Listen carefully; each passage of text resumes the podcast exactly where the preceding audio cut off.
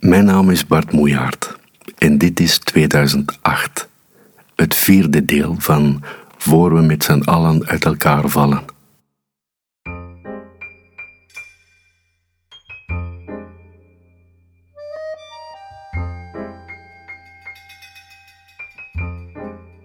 Ik hou van de vraag of ik alleen zou kunnen leven.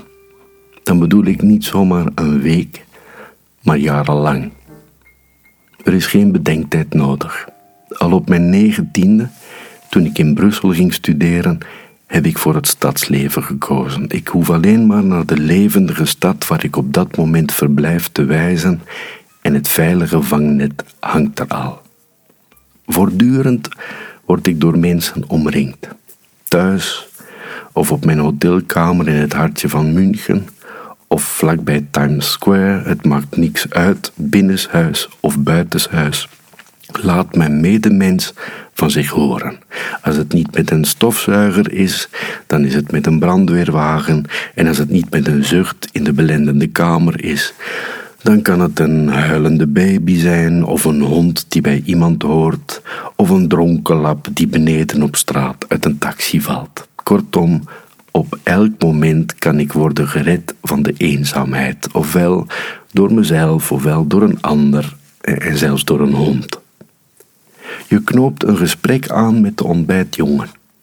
Je hebt het over schoolschriften en je komt bij een misverstand en een meubelmerk uit. Je schrijft een boek en je vertelt niet alles, maar je legt jezelf tussen de regels en je broer zegt jong en je schoonzus zegt ja. De mogelijkheid van een gesprek houdt je overeind. Dan is het natuurlijk geen kunst beweren dat je het leven in je eentje af kunt. In het Nederlands ben je alleen of eenzaam. Er lijkt weinig keuze te zijn. Als je het alleen zijn of de eenzaamheid wilt nuanceren, heb je veel woorden nodig. Het specifieke alleen zijn dat ik bedoel, wordt in het Engels wel snel begrepen.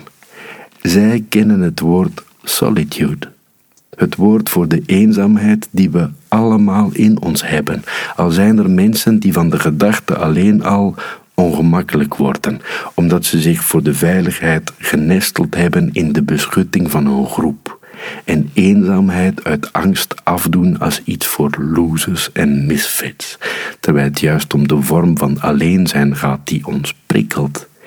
Niet alleen om het creëren, maar ook om het wezen van het zijn te ontdekken en daar zelfs gelukkiger van te worden. Aan de periode waarin ik voor afzondering koos en in New York probeerde te achterhalen hoe het met mijn solitude gesteld was, bewaar ik de beste herinneringen. Er waren dagen dat er 24 uur lang geen woord uit mijn strot kwam.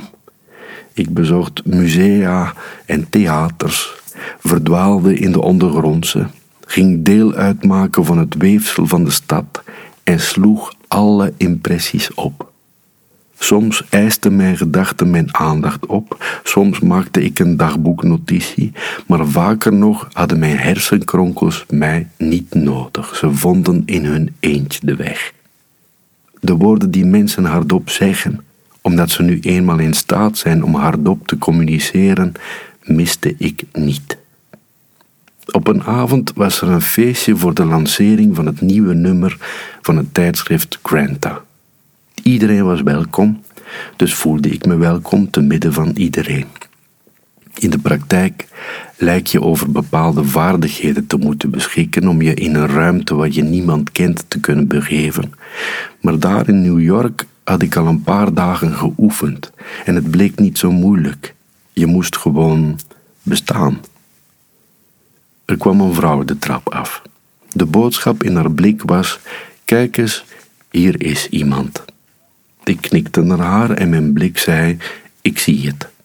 Ze zette haar tas naast mijn voet. Mijn blik zei: Je tas staat naast mijn voet. Waarop zij weer woordeloos zei: Ja, dat weet ik. We waken er nu samen over. Later, toen we hadden kennis gemaakt, zei de vrouw dat ze in Brooklyn woonde. Ze was hele dagen bezig met verbouwen en ze moest er dus wat vaker uit, want als ze niet oplette, werd ze gek van het doen zelf. Dan is dit een goede plek, zei ik. Op dit feestje gaat iemand ons voorlezen. Helaas hield de uitgever zijn inleiding niet kort en de schrijver las ook niet wat je noemt van harte voor. De vrouw die pas in Brooklyn woonde en waarschijnlijk een erg spannend beroep had, waarover ze straks tijdens de receptie honderdduit zou vertellen, gaf het op. Eerst haalde ze nog achterloos een boek uit de kast en bladerde erin, maar toen zei ze met een droge knik dat de stem van de schrijver haar wegjoeg en ze wenste me nog een fijne tijd in New York. Voor ze was gearriveerd, had ik me niet alleen gevoeld, maar nu ze verdwenen was, merkte ik hoezeer ik moest wennen aan de lege plek naast mijn voet. Alsof de vrouw de mogelijkheid tot een gesprek in haar tas had meegenomen. Ruim tien minuten later, na het officiële gedeelte van het programma, bij de wijn en de gesprekken die met een zingend How are you begonnen, miste ik de vrouw tot mijn verbazing nog steeds. Ik onderdrukte de neiging om de boekhandel te verlaten. Misschien stond ze buiten een lange sigaret te roken. Ik bleef en maakte het mezelf moeilijker door naar de hoek met poëzie uit te wijken. Er bestaan ontmoetingen die je moet ondergaan. Fijn, fijn, tot ziens, maar er zijn ook mensen die je volgens je buikgevoel moet ontmoeten. Het soort mensen dat je met graagte binnenlaat. Je knikt ze toe, je wordt blij van hun tas naast je voet.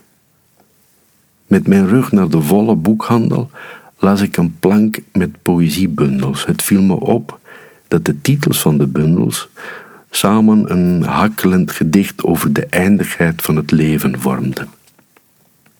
Later, zittend aan de bar van een volle, rumoerige bodega in Elizabeth Street, had de solitude zijn vertrouwde vorm weer aangenomen.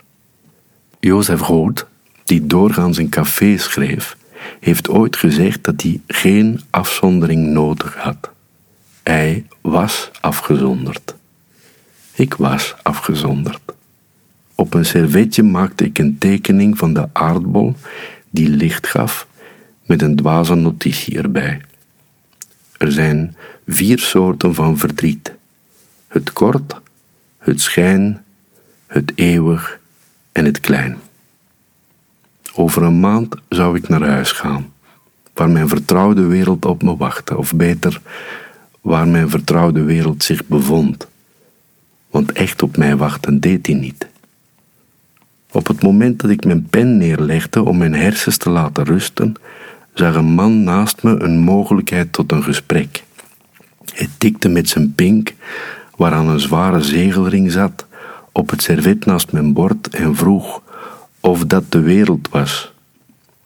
Ik had geen idee hoe lang de man me al in het oog had gehouden. Bedoelde hij met zijn opmerking mijn tekeningetje of mijn notitie over het verdriet? Had hij me in een tekenaar zien veranderen? Het schijnt dat ik verander als ik teken. Mijn rug kromt zich. Mijn linkerhand houdt zich vast aan mijn pen en niet andersom. Mijn lichaam vouwt zich om mijn tekening heen alsof ik wat ik teken met mijn leven bescherm. Hij kon geen blikken lezen, anders had hij begrepen dat ik woordeloos, kijk eens, hier is niemand tegen hem zei. Zijn pink met de zegelring bleef in de richting van de wereld wijzen. Het is maar een schets, zei ik, wat een antwoord was, maar geen bevredigend antwoord. En ik vouwde het servet dubbel en stopte het in de binnenzak van mijn jasje, waarmee het onderwerp van het mogelijke gesprek 1, 2, 3 verdween. Je kunt afscheid van iemand nemen en toch naast die persoon blijven zitten.